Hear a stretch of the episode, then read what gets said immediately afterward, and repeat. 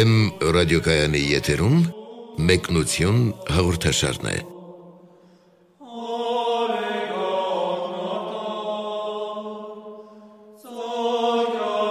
Սիրելի ունկնդիրներ, Վեմ ռադիոկայանի եթերում մեկնություն հաղորդաշարն է։ Ձեզ հետ են արժանապատիվ Տեր Մեսրոպ Կահանա Արամյանը եւ Արա Սարգսակյան Նալչաջյանը։ Այսօր կխոսենք Պողոս Առաքյալի Հռոմեացիներին ուղված թղթի 8-րդ գլխի մասին, որտեղից ընտրել ենք հետեւյալ բնաբանը. Եթե Աստված մեր կողմն է, ով կլինի մեզ հակառակ։ Օրհնյա Տեր հայր։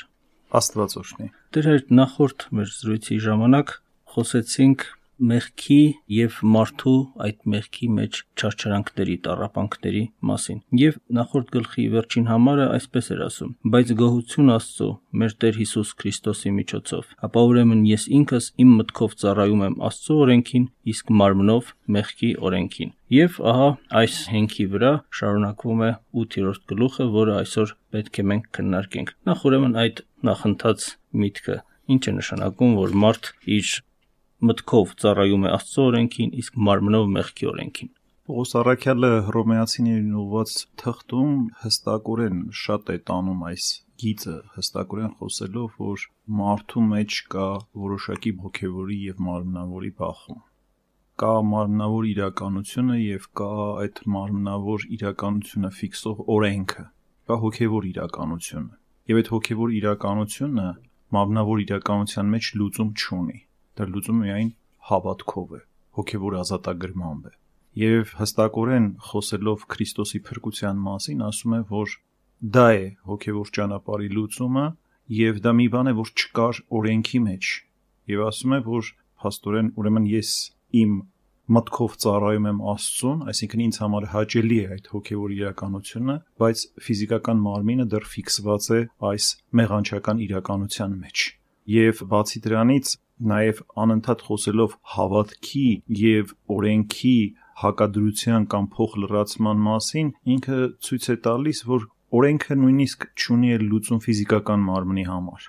Չունի լուծում, որովհետև ինքը պարզապես սահմանում է մարմնի դատապարտված վիճակը, մահվան ու մեղքի դատապարտված վիճակը։ Եվ այդ իրավիճակը փորձում է կանոնակարգել։ Բայց ինչ պիտի լինի մարդու վերջնական լուծումը, դա օրենքի մեջ տրված չէ։ Աստվածը հաստատում է Աստվածաշնչյան տեքստը հաջորդիվ, այսինքն 8-րդ գլխի հենց սկիզբը, այն գլխի, որը այսօր մեր քննարկման առարկան է։ Ասում է. Եթե այդպես է, այլևս ոչ մի դատապարտություն չկա նրանց համար, որոնք Քրիստոս Հիսուսի մեջ են, որովհետև Քրիստոս Հիսուսով կյանք տվող հոգու օրենքը ինձ փրկեց մեղքի եւ մահվան օրենքից քանզի ինչ որ անհնար էր օրենքի համար, որ տկարանում էր մարմնի պատճառով, Աստված հնարավոր դարձրեց առաքեց իր որդուն մեղանչական մարմնի նմանությամբ եւ մեղքի համար ու մարմնի մեջ դատապարտեց մեղքը, որպեսի օրենքի արդարությունը կատարվի մեր մեջ, մեր, որ ոչ թե ըստ մարմնի ենք ընթանում, այլ ըստ հոգու։ Փաստորեն ոչ միայն հաստատում էր ասված, այլև բացատրում, որ մարդկային կյանքի ընթացքները երկու տեսակի կարող է լինել, երկու տեսակի, որոնք դրամագծորեն հակառակ են միմյանց։ Ըստ մարմնի եւ ըստ հոգու։ Բացատրեք խնդրեմ ինչ է նշանակում ըստ մարմնի եւ ըստ հոգու։ Չէ որ եթե անգամ մարմնական ազդակն է պատճառը մարդու այս մեղանչականության, որի պատճառով եւ մարդը չարչարվում էր, ապա միևնույն է, չէ որ մարմինը Աստծո կողմից արարված է։ Ինչն է պատճառը, որ այս Աստծո կողմից արարված եւ բարի սուբստանցիա մարմինը ունակ է նման ուղությամբ տանելու մարդուն։ Դա ոչ թե ունակ է նման ուղությամբ տանելու մարդուն, դա դատապարտվածության հետևանքն է, ապականության ու մահվան հետևանքն է, որ իշխում է որպես օրենք մարմնավոր իրականության վրա, այսինքն մարմնական աշխարհը ենթակա է քայքայման եւ ապականության ու մահվան։ Եվ դա օրենքի պես նաեւ իշխում է։ Եվ այստեղ նորից շատ հստակ ասում այն, ինչ անհնար էր օրենքի համար, որը տկարանում էր մարմնի պատճառով եւ դրա համար ասում է առաքեց իր որդուն. Մեղանչական մարմնի նմանությամբ եւ մեղքի համար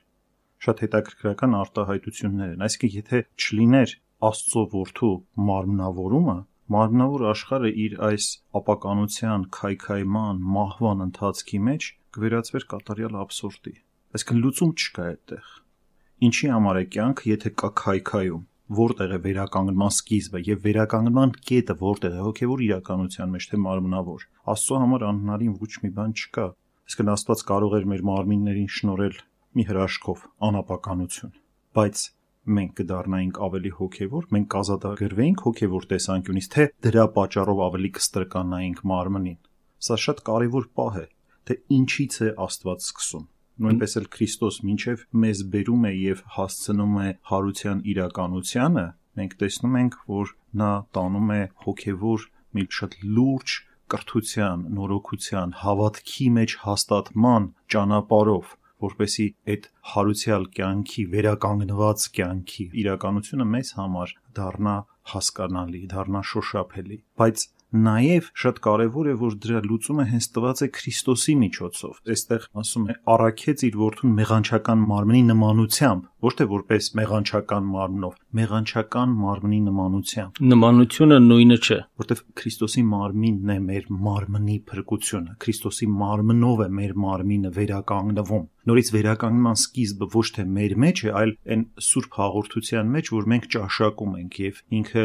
սերմանվելով մեր մեջ այդ աստվածային թթխմորը մեր ամբողջ զանգվածը սկսում է խմորել նորոգության այդ աստվածային կյանքի նմանությամբ։ է դատապարտեց մեղքը մարմնի մեջ։ Սա շատ նույնպես կարևոր պահ է, որովհետև Քրիստոս պարզապես չի վերցրել այդ մարմնական իրականությունը, չի դարձել մեր նման մարդ։ Նա դարձել է մեր նման մարդ, որպեսի մեր նման մարդը հաղթական անցնի այն բոլոր կապանքների միջոցով, որով չարը բռնել էր, առևանգել էր մարդուն ստրկացրել էր ցանկություններով, հաճոյասիրությամբ, չարչարանքներով, ամեն տեսակ դժվարություններով, կրքերով եւ Քրիստոս անցնում է այդ բոլոր բաների միջով մարդկային, այսպես ասած, գիրընդունակությունների, հա, կամ կրքերի, այսինքն այն ինչ որ մարդը կրում է, դա այն այսօրվա կրքի շեղված հասկացողության հետ կապ չունի, իմ մարմնական ցանկություն իմաստով։ Գիրք, այսինքն կրվող մի բան։ Կրվող։ Մարդկային բնությունը գիրընդունակ է, այսինքն ազդվող բնություն է։ Անցնելով այդ ամեն ինչի միջով նա բոլոր տեղերում իր հաղթական հոգևոր Սուրբ Հոգու այդ սրով քանդում է այդ բոլոր կապանքները, որոնցով սատանան բռնել էր մարդուն։ Եվ մարդուն տալիս է լիակատար ազատագրում, բայց նախ հոգու ազատագրում, որտեվ եթե չկա այդ հոգևոր սկիզբը մարդու մեջ, եթե մարդու մեջ չի հաստատվում հոգու օրենքը, Սուրբ Հոգու այդ շնչառությունը, այդ կենթանի իրականությունը, ապա մարմնավոր կյանքում չկա լուծում։ Դրա համար մենք տեսնում ենք, որ Պողոս Արաքյալը որոշակի շեշտադրումներ է անում եւ սա բնորոշ է առաքելական շրջանին այս շեշտադրումները, որոնք նաեւ ասեմ, որ ամենասխալ մեկնաբանությունների են ենթարկում եւ ծայրահեղ մեկնաբանությունների զանազան աղանդավորական, բողոքական պատկերացումների մեջ որտեվ Պողոս Արաքյալը այդ շեշտադրումները որ կատարում է, այնպիսի մի տպավորություն է ստեղծում, որ մեկ էլ դրիվ մի առանցին հոգևոր իրականություն կա, որը բարի է եւ լրիվ առանցին մի մարմնավոր իրականություն, որը չարիք է։ Սա կարող է ուրիշ տեղ տանել, բայց քրիստոնեության մեջ սրա լուծումը կա եւ այդ լուծումը նորից հենց ինքը Քրիստոսն է, որովհետեւ եթե ինքը արդեն այդ մարմինը վերցրել է, եթե ինքը եկել է այդ մեղանչական մարմնի նմանությամբ եւ դատապարտել է մեղքը մարմնի մեջ, որը նշանակում է այդ մարմնական իրողությունը նույնպես լուծում ունի, բայց ըստ հոգու օրենքի Եվ այդ ճանապարհը հոգեղինացման ճանապարհն է եւ նաեւ մարմնավոր կյանքի լիակատար վերականգնման ճանապարհը։ Դերեր գուցե այստեղ տեղին է հիշել Աստվածաշնչյան այն դրվագը, որ նկարագրվում էր անմիջապես այդ մեղսանկնման փուլը մարդկային կյանքի։ Երբ մարդիկ մեղանչեցին, Աստվածային խորհրդակցությամբ դարձյալ հայտարարվեց, որ փակվում է կենաց ծառի ճանապարհը, որպեսի չլինի թե Ադամը ձեռքը երկարի եւ կենաց ծառից էլ ուտի եւ հավիտյան ապրի փաստորեն եթե հնարավոր լիներ մարդկային ցեղի փրկությունը հավիտենական կյանքի շնորհումը, թերևս այն ժամանակ նման արգելք չդրվեր կենաց ծառի ճանապարհի, այլ հետագայում միայն հազարամյակներ անց, երբ եկավ Քրիստոս, նա ինքը իրենով կատարեց մարդկային ցեղի փրկagorցությունը եւ իր ձևով, այսինքն աստվածային տեսչությամբ, ոչ այնպես ինչպես մարդը կարող էր պատկերացնել այն սկզբնական շրջանում։ Դե ինչ անենք, մեղանչեցինք, մեղանչեցինք, հիմա ուտենք գոնե հավիտյան ապրենք։ Ոչ, Աստված մեկ այլ բան կատարեց Քրիստոսը։ Այդքան པարզունակ չեն իրողությունները, այդտեղ շատ ավելի լուրջ պահեր կա։ Հավիտյան ապրելը ինքնանպատակ չէ, դու հավիտյան կարող ես մեղքի մեջ էլ ապրել հիմա էլ կյանքը արհեստականորեն սկսում են երկարացնել եւ միգուցե ասենք ապագայում կարողանան շատ ավելի երկարացնել, բայց դրանից ինչ օգուտ։ Եթե մարդը իր կյանքի ընթացքում չպիտի հասնի ճշմարտությանը, դրանից ինչ օգուտ։ Ինչու՞մն է մարդկային կյանքի նպատակը։ Որն է իմաստը այն կյանքի, որ եթե անգամ հավիտյան ապրես, սակայն մեղքի մեջ։ Եվ նորից Պողոս Արաքյալը այդ շեշտադրումները շարունակում է մարմնի եւ հոգու հակադրության շեշտադրումները ասելով, որ մարմնի խորուրդը մահ է։ Իսկ հոգեվոր խորուրդը կյանք եւ խաղաղություն։ Շատ հետաքրքրական արտահայտություններ են, որտեվ հոգու խորուրդը գալիս է Աստծուց։ Ինքը հստակորեն ասում է, որ այդ Քրիստոսի հոգին է, որ մտնելով մեր մեջ այդ հոգևոր խորհուրդները սկսում է մեր մեջ կենթանացնել հոգևորի իրականությունը եւ դա կյանք է եւ խաղաղություն այսինքն կյանքի սկիզբը խաղաղության սկիզբը ոչ այն խաղաղությունը որ այս աշխարհում կա այլ հոգևոր խաղաղության սկիզբը աստծո մեջ է եւ քանի դեռ դա մենք չենք գտել մենք ոչ մի լուծում չունենք որտեվ այդ դեպքում մենք շարժվում ենք մարմնի օրենքով մենք դառնում ենք մարմնահակ, նույնիսկ եթե մենք հոգևոր մտածումներ էլ ունենք կամ այսպես ասած պսևդո հոգևոր կեղծ հոգևոր մտածումներ ունենք շատ հաճախ, եթե վերլուծելու լինենք այդ հոգևոր մեր մտածումները, դրանք մարմնահակ են Ինչ նկատի ունեք։ Որտեվ դրանց ազդակները գալիս են մարմնից, մարմնի հաճոյապաշտությունից։ Օրինակ, ասենք հոգևորի մասին մենք մտածում ենք նույնպես որպես մի հաճոյապաշտական, մի հաճելի մի զբաղմունք։ Այսինքն մտել ենք հոգևորի մեջ, ուզում ենք նորից շարունակենք հաճույք որսալ, որտեվ դա կյանքի մեր ոնց որ ասած նպատակն է։ Հարմար կլիներ կյանքը կառուցել այդ սկզբունքներով, բոլորի համար հեշտ հանգիստ կլիներ։ Հարմար փախուստի տեղ է գնանք այնտեղ նորից շարունակենք մեր հաճույամոլությունը, հաճույապաշտությունը, որտեղ դարձրել ենք կյանքի նպատակը մեկ՝ հաճույապաշտություն։ Այսինքն ամեն ինչով մեզ գուրգուրենք։ Հիմա այստեղ շատ կարևոր պահ կա, ավետարան ասում է, եթե չկորցնես, քեզ չես կարողանալու գտնել, որտեղ այդ տեսակի քրիստոնեությունը չի ընդունում ավետարան, դա հակասում է էության ավետարանական բոլոր սկզբունքներին։ Ասում է, եթե ուզում ես քեզ գտնել, պիտի կորցնես քեզ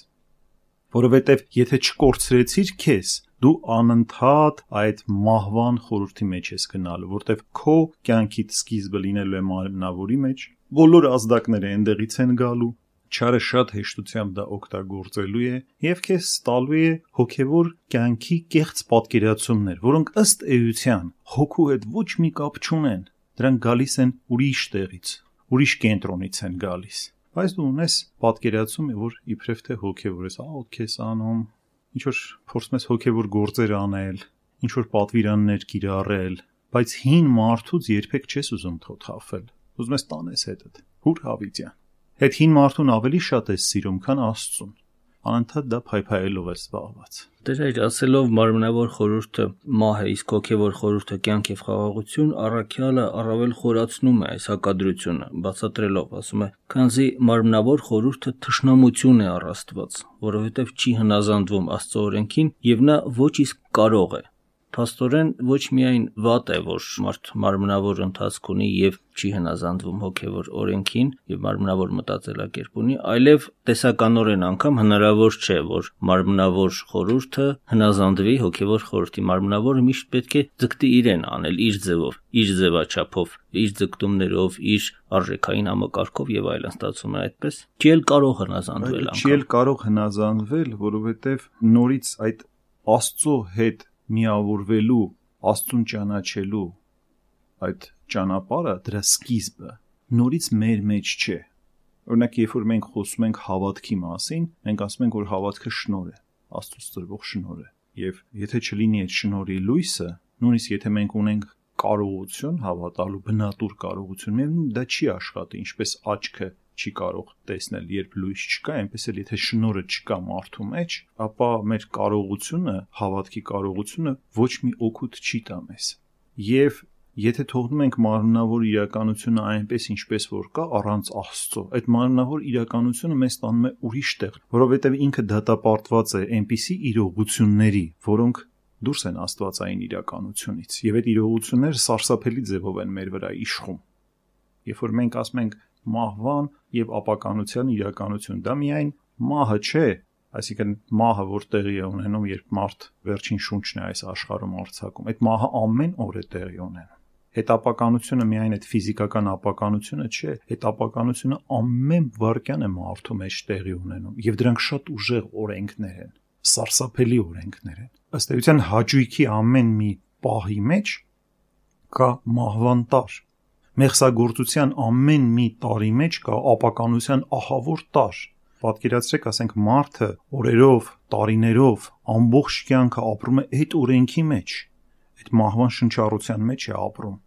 Եվ բնականաբար դա այնպիսի մի հզոր քաշող օրենք է մարդկային կյանքում, որ երբեք մարդը այդ խորհուրդներով, այսինքն անընդհատ մահ գործելով ինքը չի կարող գալ կյանքի ազատության գաղափարին։ Դա իրենից դուրս մի իրականություն է։ Բայց այդ իրենից դուրս իրականությունը մեկ էլ հանկարծ մարմնանում է եւ տեղի է ունենում մարմնի իրականության մեջ։ Մարդը տեսնում է այդ հոգևոր հաղթանակի հնարավորությունը մարդը տեսնում է, որ իրեն տրված է մի բացառիկ շանս, եւ դրա մեջ կա բացարձակ լուծում, դա Հիսուս Քրիստոսն է, որը մեզ ցույց է տալիս, թե ինչպիսի վեկտոր պետք է ունենա մարդկային կյանքը եւ որն է մեր կյանքի սկիզբը։ Հենց այդ սկիզբը տեղափոխում ենք մարմնավոր իրականությունից հոգեվոր իրականության մեջ, ամեն ինչ սկսում է լուծվել։ Երբ ասում ենք, որ մեր կյանքի կենտրոնը մեր մեջ չէ, այլ Աստծո մեջ է, բայց որpեսի մենք կարողանանք այդ կենտրոնից ապրել, այդ ազդակներից ապրել, դա մեր մեջ պետք է ունենանք։ Որտեվ հետո ինչ որ մարդիկ ասում են հավատում ենք Աստծուն, բայց երբեմն հավատում ես Աստծուն, բայց չես ուզում այդ Աստծո հետ կապ ունենալ։ Սրանք շատ տարբեր բաներ են։ Հետո ինչ որ Աստված կա, դա շատ թույլ պնդում է։ Դե որ մենք ասեցինք Աստված կա, ինչ է Աստծուն լավություն արեցինք։ Քրիստոնեության նպատակը այդ չէ, որ մենք պնդենք, շատ մարդիկ են պնդել, բայց այդպես էլ չեն հաստատել այդ կապը Աստծո հետ քրիստոնեության նպատակը Աստծո հետ հարաբերության հաստատումն է եւ ոչ թե պարզապես հերավոր մի հարաբերության, այլ շատ մերձակա, շատ մերձավոր եւ նույնիսկ ինչպես Նարեկացին ասում, անընդմիջելի մերձավոր։ Այսինքն, երբ որ Աստծուն դու քո մեջ ես ունենում, այդ երկնքի արքայությունը քո մեջ ես ունենում։ Եվ դրա լուծումը մենք տեսնում ենք Քրիստոսով։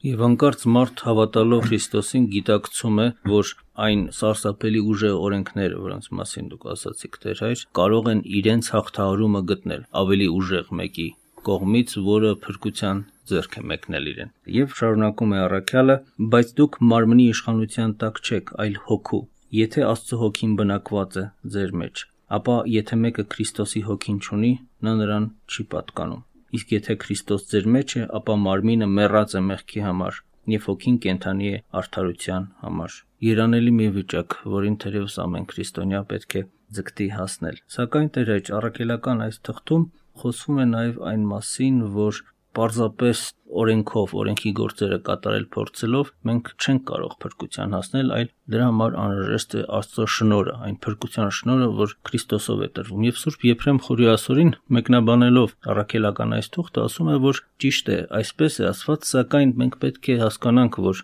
օրենքի սկզբնակները օրենք, այսինքն որը գրված էր հին ուխտում, արկա են նաև նոր կտակարանում, նոր ուխտում։ Եվ շնորի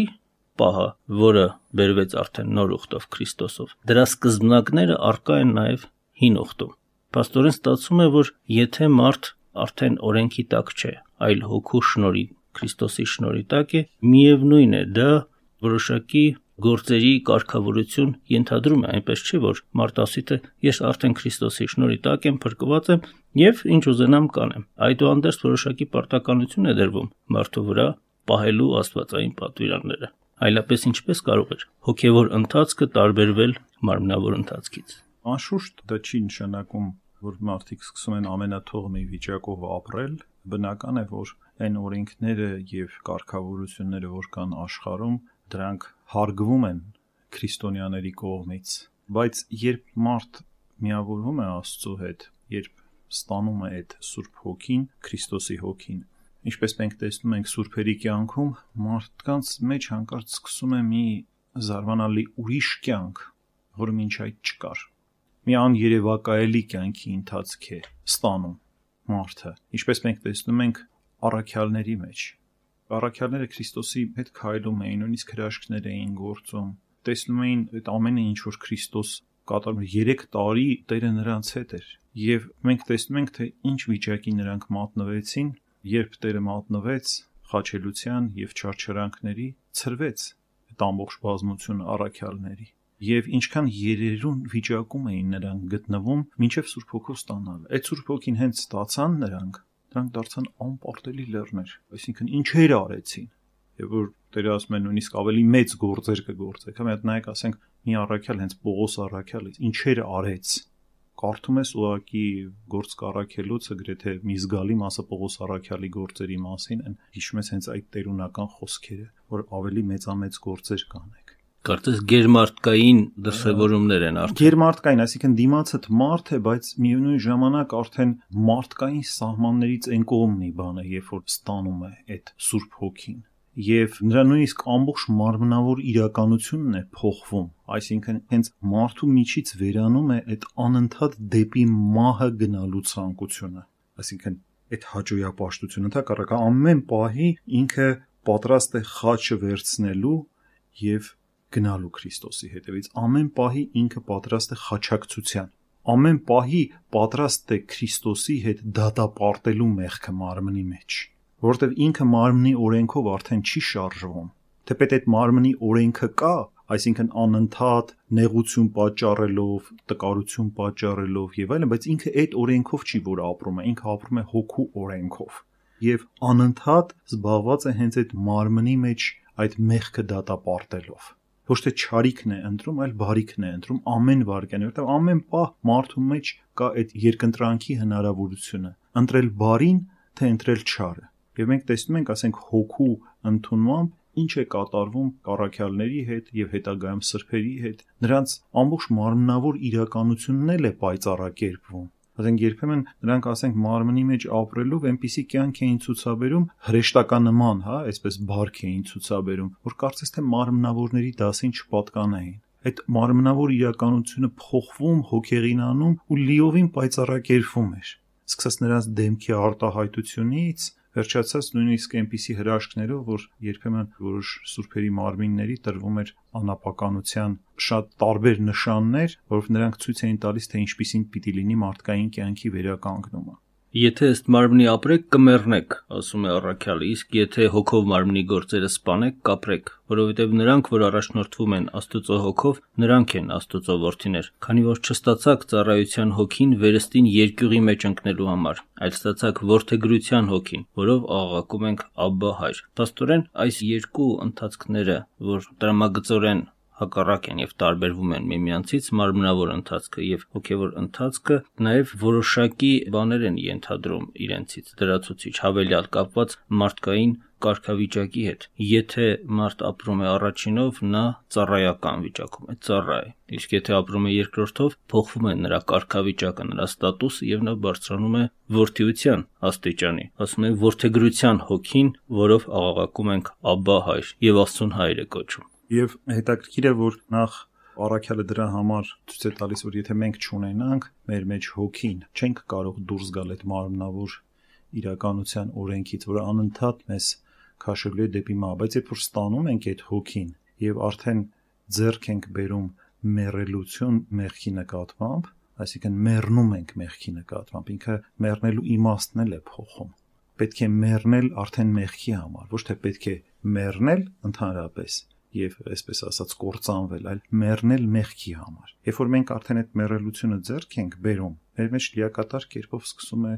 հոգու թակավորությունը արդեն հոգու իշխանության կատարյալ հաստատումը եւ տեղի ունենում ազատագրում այն ծանր դժնդակ օրենքներից, որոնց մասին խոսվեց մեր զրույցի ընթացքում եւ դա նաեւ ինքը անվանում է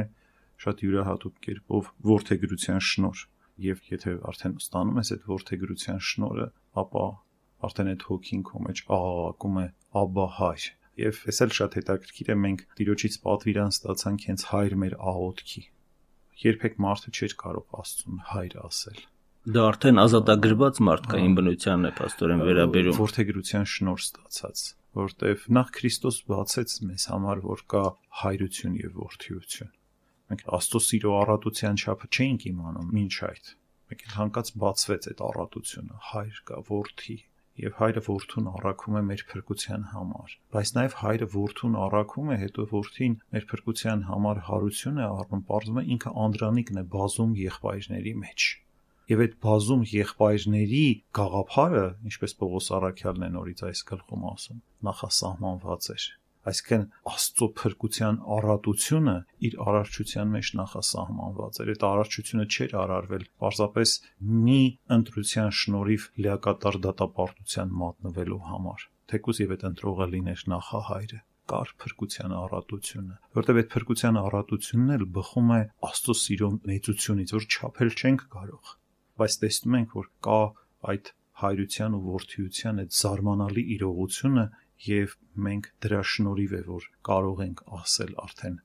հայր մեր կամ աղաղակում է այդ հոգին մեր մեջ ասում է աբա հայր սա մեծագույն պարգև է որովհետև մենք արդեն մարմնավոր միայն զավակներ չենք, երկրավոր իրողության ժառանգներ չենք, այլ մենք երկնքի զավակներ ենք, Աստծո զավակներ ենք։ Այդ հոգևոր իրականությունը, երբ սկսում է մեր մեջ բաբախել, մենք մեկ էլ տեսնում ենք ինչ անսահման սիրով է Աստված մեզ սիրում։ Եթե մի պահ սա զգում ենք, մի պահ սկսում ենք ճաշակել, սա մեծագույն ցնցումներից մեկն է, որ մարդը ապրում է որովհետև ոչ այդ մենք փորձում էինք մեզ գտնել ինչ որ փոքր իրողությունների մեջ, երկրավոր, վերջավոր իրողությունների մեջ, ինքնահաստատվել, ինչ որ բան անել, մեկ էլ հանկարծ հասկանում ենք, որ մենք կարող ենք ամբողջ դիեզերքի մեջ հաստատվել։ Եվ եթե worth-ի ենք, ուրեմն ամեն ինչ մերն է։ Ինչ կարիք կա ճղճին բաների համար պայքարել չէ, էս իմն է, ուրիշ իրավունքը խլել, էս անել, այն անել, անարթարություն հաստատել էս երկրի, չկա այդպիսի բան ամբողջը մերն է, ամբողջը։ Ոչ միայն այս երկիրը, դիեզերքի ամբողջ իրականությունը, որովհետև մեր հայրը Աստված է։ Դե մարդ խորհի սրա մասին, իսկապես խորհի, երբեք մարդը չարություն չի անի։ Կարծես մի երկրի թակավոր, որ ամբողջ թակավորությունը իրեն է պատկանում, պայքարելիս լիներ ինչ որ մի աննշան աղբանոցի համար, որը չգիտես թե ինչի համար է պիտանի ընդհանրապես։ Դերը եւ նկարագրելով ուրեմն մեղքից հոգով ազատագրվելու այս գործընթացը առաքյալը ամիջապես մի զգուշացում է անում մեզ, որպեսզի մենք չկարծենք թե ворթի լինելը այդպես հեշտ հանգիստ ընթացող ինչ որ մի բան է աստծո ворթի լինելը։ Նա ամիջապես մեզ հիշեցնում է ճաշճրանքների մասին, ասելով որ եթե այդ ճարչրանքներին կծորթ ենք հաղորդակից ենք լինելու եւ իր парքին եւ ապա շարունակում Ինձ այնպես է թվում, թե այս ժամանակի չարչարանքները արժանի չեն Բաղդադվելու գալիք Փարքի հետ, որ հայտնվելու է մեզ, որովհետև ստեղծվածները մեծ ակնկալությամբ սպասում են Աստուծո որդիների հայտնությանը։ Քանի որ ստեղծվածները ունայնությանը հնազանդվեցին ոչ իրենց կամքով, այլ նրա համար, որ Աստված հնազանդեցրեց նրանց։ Այն հույսով, որ ստեղծվածներն իրենք էլ ազատվեն ապականության ծառայությունից, Աստուծո որդիների փառքի ազատության հասնելու համար։ Եվ այլն շարունակվում է այս ստեղծվածների կամ արարվածների մասին իր վարդապետությունը, որը բավական խրթին է պետք է ասել։ Ինչ նկատի ունի առաքյալը սրանով ովքեր են այս ստեղծվածները եւ ինչ գործընթացների մասին են խոսում։ Նախ եւ առաջ մարդը եւ մարդու հետ կապված ամբողջ իրականությունը, որտեղ առարչության կենտրոնը մարդն է բայց նաև այդ ամբողջ արարչությունը տարբեր թելերով կապված է մարդու հետ, ինքը պսակն է եւ հեծում է մարդկային կյանքը մարդկային կյանքը մատնված է չարչարանքների եւ այդ տարապանքը, այդ չարչարանքը, այդ հեծեցանքը ամբողջ արարչության մեջ է այսինքն ամբողջ արարչությունը ունի մի մեծ տարապանք եւ չարչարանք եւ այս առումով դրա մասին է խոսում բայց նաև շատ կարևոր է հասկանալ որ տարապանքը եթե մնա հենց այնպես ինչպես որ ինքը կա դա սարսափելի բան է որովհետև չկա մեջը լուծում քանդում է դա մարդուն բայց եթե դա գիտակցված տարապանք է դա միանշանակ մաքրում է մարդուն այսինքն հույսով լի տարապանք տարապանք որ չնայած դրան դու հույս ունես առանց չարչարանքների ընդհանրապես պատկերացնելի չի հոգևոր կյանքը որովհետև մեղքը այնպիսի արմատակալումներ ունի մարդու մեջ, որ մեղքից մաքրվելու process-ը ցավոտ է բավականին։ Չես կարող հեշտությամբ մաքրվել։ Հեշտ է ասել մեռնել մեղքի համար։ Մենք տեսնում ենք, որ դա բավականին դժվար process է, հենց խաչակցությունը այդտեղ է։ Փորձիր իրագործել դա կյանքում եւ կտեսնես որքան դժվար է։ Եվ այդ առումով սա շատ կարևոր պահ է եւ եկեղեցու հայրերը ասում են նա ով փախնում է չարչարանքներից փախնում է Աստծուց Դրա համար դրանք մեզ օգնում են միանշանակ կերպով բացելու մեր մեջ հոգևոր գիտակցությունը, եթե դա կատարվում է հավատքով։ Չարչարանքները շատ օգտակար են մարդու համար։ Տարապանքը շատ օգտակար է մարդու համար։ Շատ անգամ ավելի օգտակար, քան որևէ մարմնավոր հաճույք եւ հենց դա է խաչակցության ճանապարհը։ Եվ չնայած այս չարչարալից հեծեծագին վիճակին, այդուհանդերձ առաքյալը խոսում է հուսո մասին, հույս, հույս, որը արկա է այսպիսի իրավիճակում հայտնված մարդու սրտում եւ ոչ միայն այդ հույսը, այլև հոգու օգնությունը։ Եվ թերևս հենց հույսն էլ հոգու ներաբնակության արդյունք է Տեր այր, այսինքն Սուրբ Հոգու ներաբնակության արդյունք մարդկային սրտում, այն հույսը, որը մարդ ունի գալիքի հանդեպ, Աստծով գալիքի հանդեպ։ Դա փրկության հույսն է, դա ոչ թե պարտապես հույս է,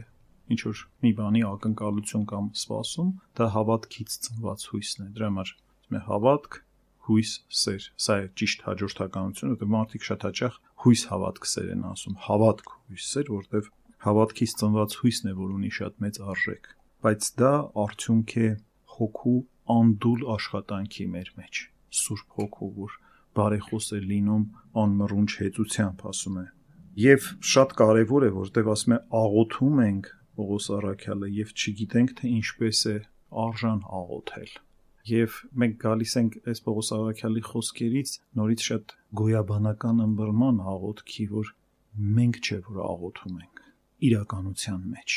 այլ Աստծո հոգին է, որ աշխատում է մեր մեջ։ Իրական բարձրագույն աղոթքը դա է։ Բարձրագույն աղոթքը արդեն Սուրբ Հոգու կենթանի շնչառությունն է մեր մեջ։ Ինչպես մեր ֆիզիկական մարմինն է շնչում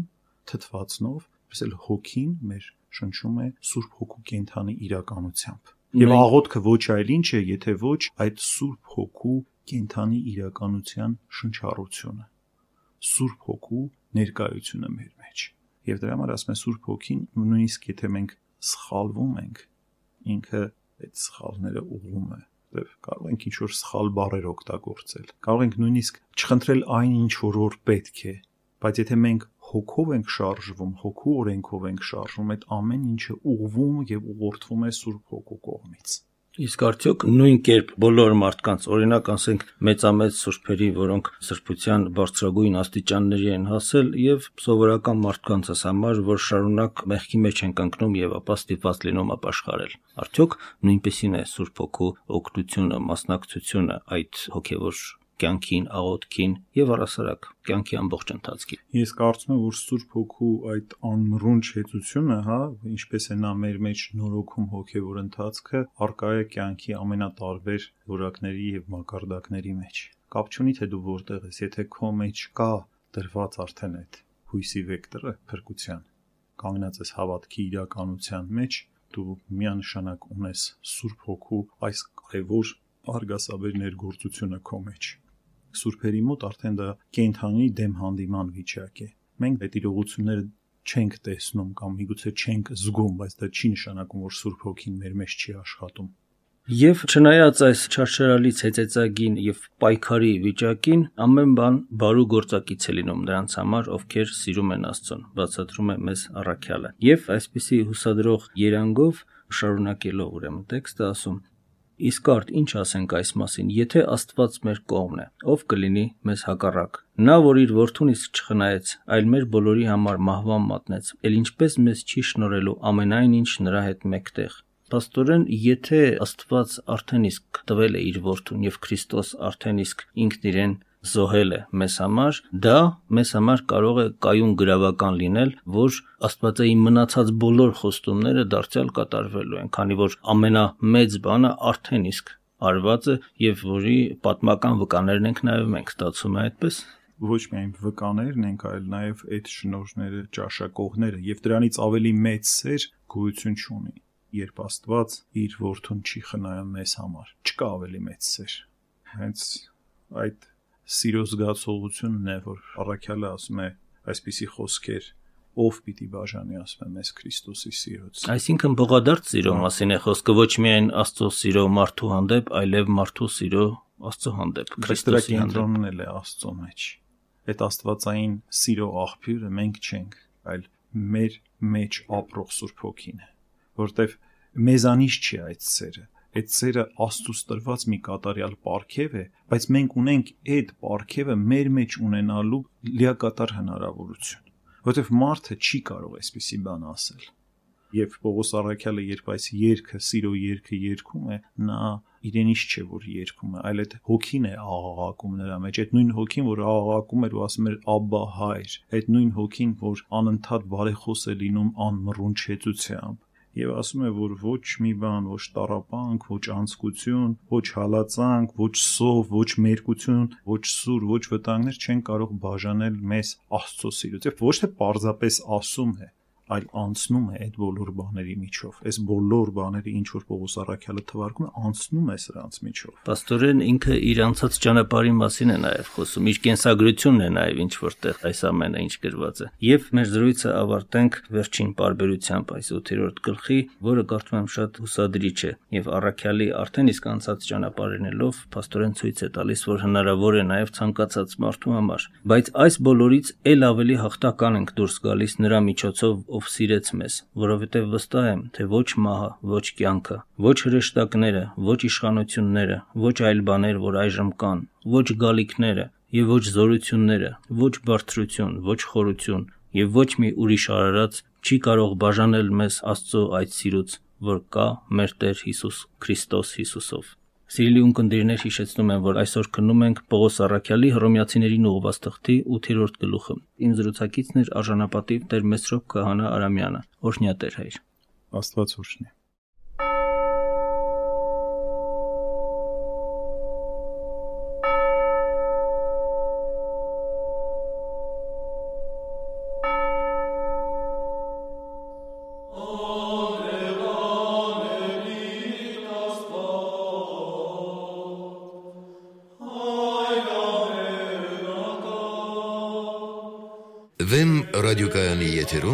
մեկնություն հաղորդաշարներ։ Զրույցը վարեց Արաս Սարգսակյան Նալչաջյանը։